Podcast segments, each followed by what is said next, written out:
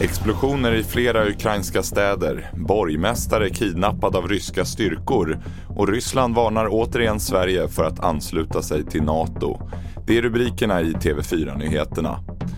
Under morgonen har det kommit rapporter om explosioner i ett flertal ukrainska städer.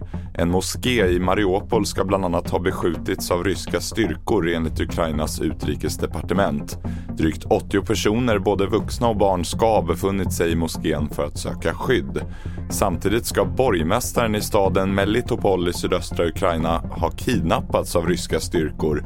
Borgmästaren ska enligt Ukraina ha förts bort när han besökte stadens kriscentrum, rapporterar nyhetsbyrån AFP. Vi hör utrikeskommentator Lisa Grenfors om händelsen. Det är det första exemplet som vi får på en ledande person som eh, förs bort. USA varnade redan före invasionen om att det finns lista, listor med personer i Ukraina som eh, eh, Ryssland kommer att eh, antingen gripa eller döda. Det här kan vara ett exempel på att man tar i med lite hårdare tag mot borgmästare som inte vill samarbeta. Och Ryssland varnar nu återigen Sverige för att ansluta sig till NATO. En anslutning skulle leda till att Ryssland citat vidtar vedergällningsåtgärder slutcitat enligt ryska UD.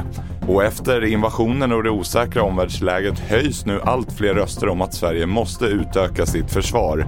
En del i det bör vara att den svenska värnplikten utökas ytterligare anser flera befäl inom försvaret, bland annat Mikael Wassdal. Försvarsmakten med tillförsel av ny materiel, ny utrustning, nya förband och då behövs alla värnpliktiga som vi överhuvudtaget kan få skrapa ihop.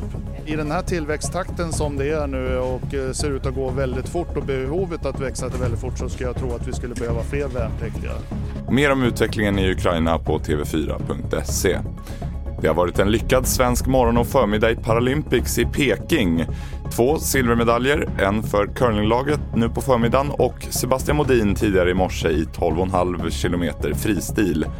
Och Ebba Årsjö vann guld i slalomen. 21-åringen har sedan tidigare tagit guld i kombinationen och brons i störtloppet. Det får avsluta TV4-nyheterna. Jag heter William Grönlund.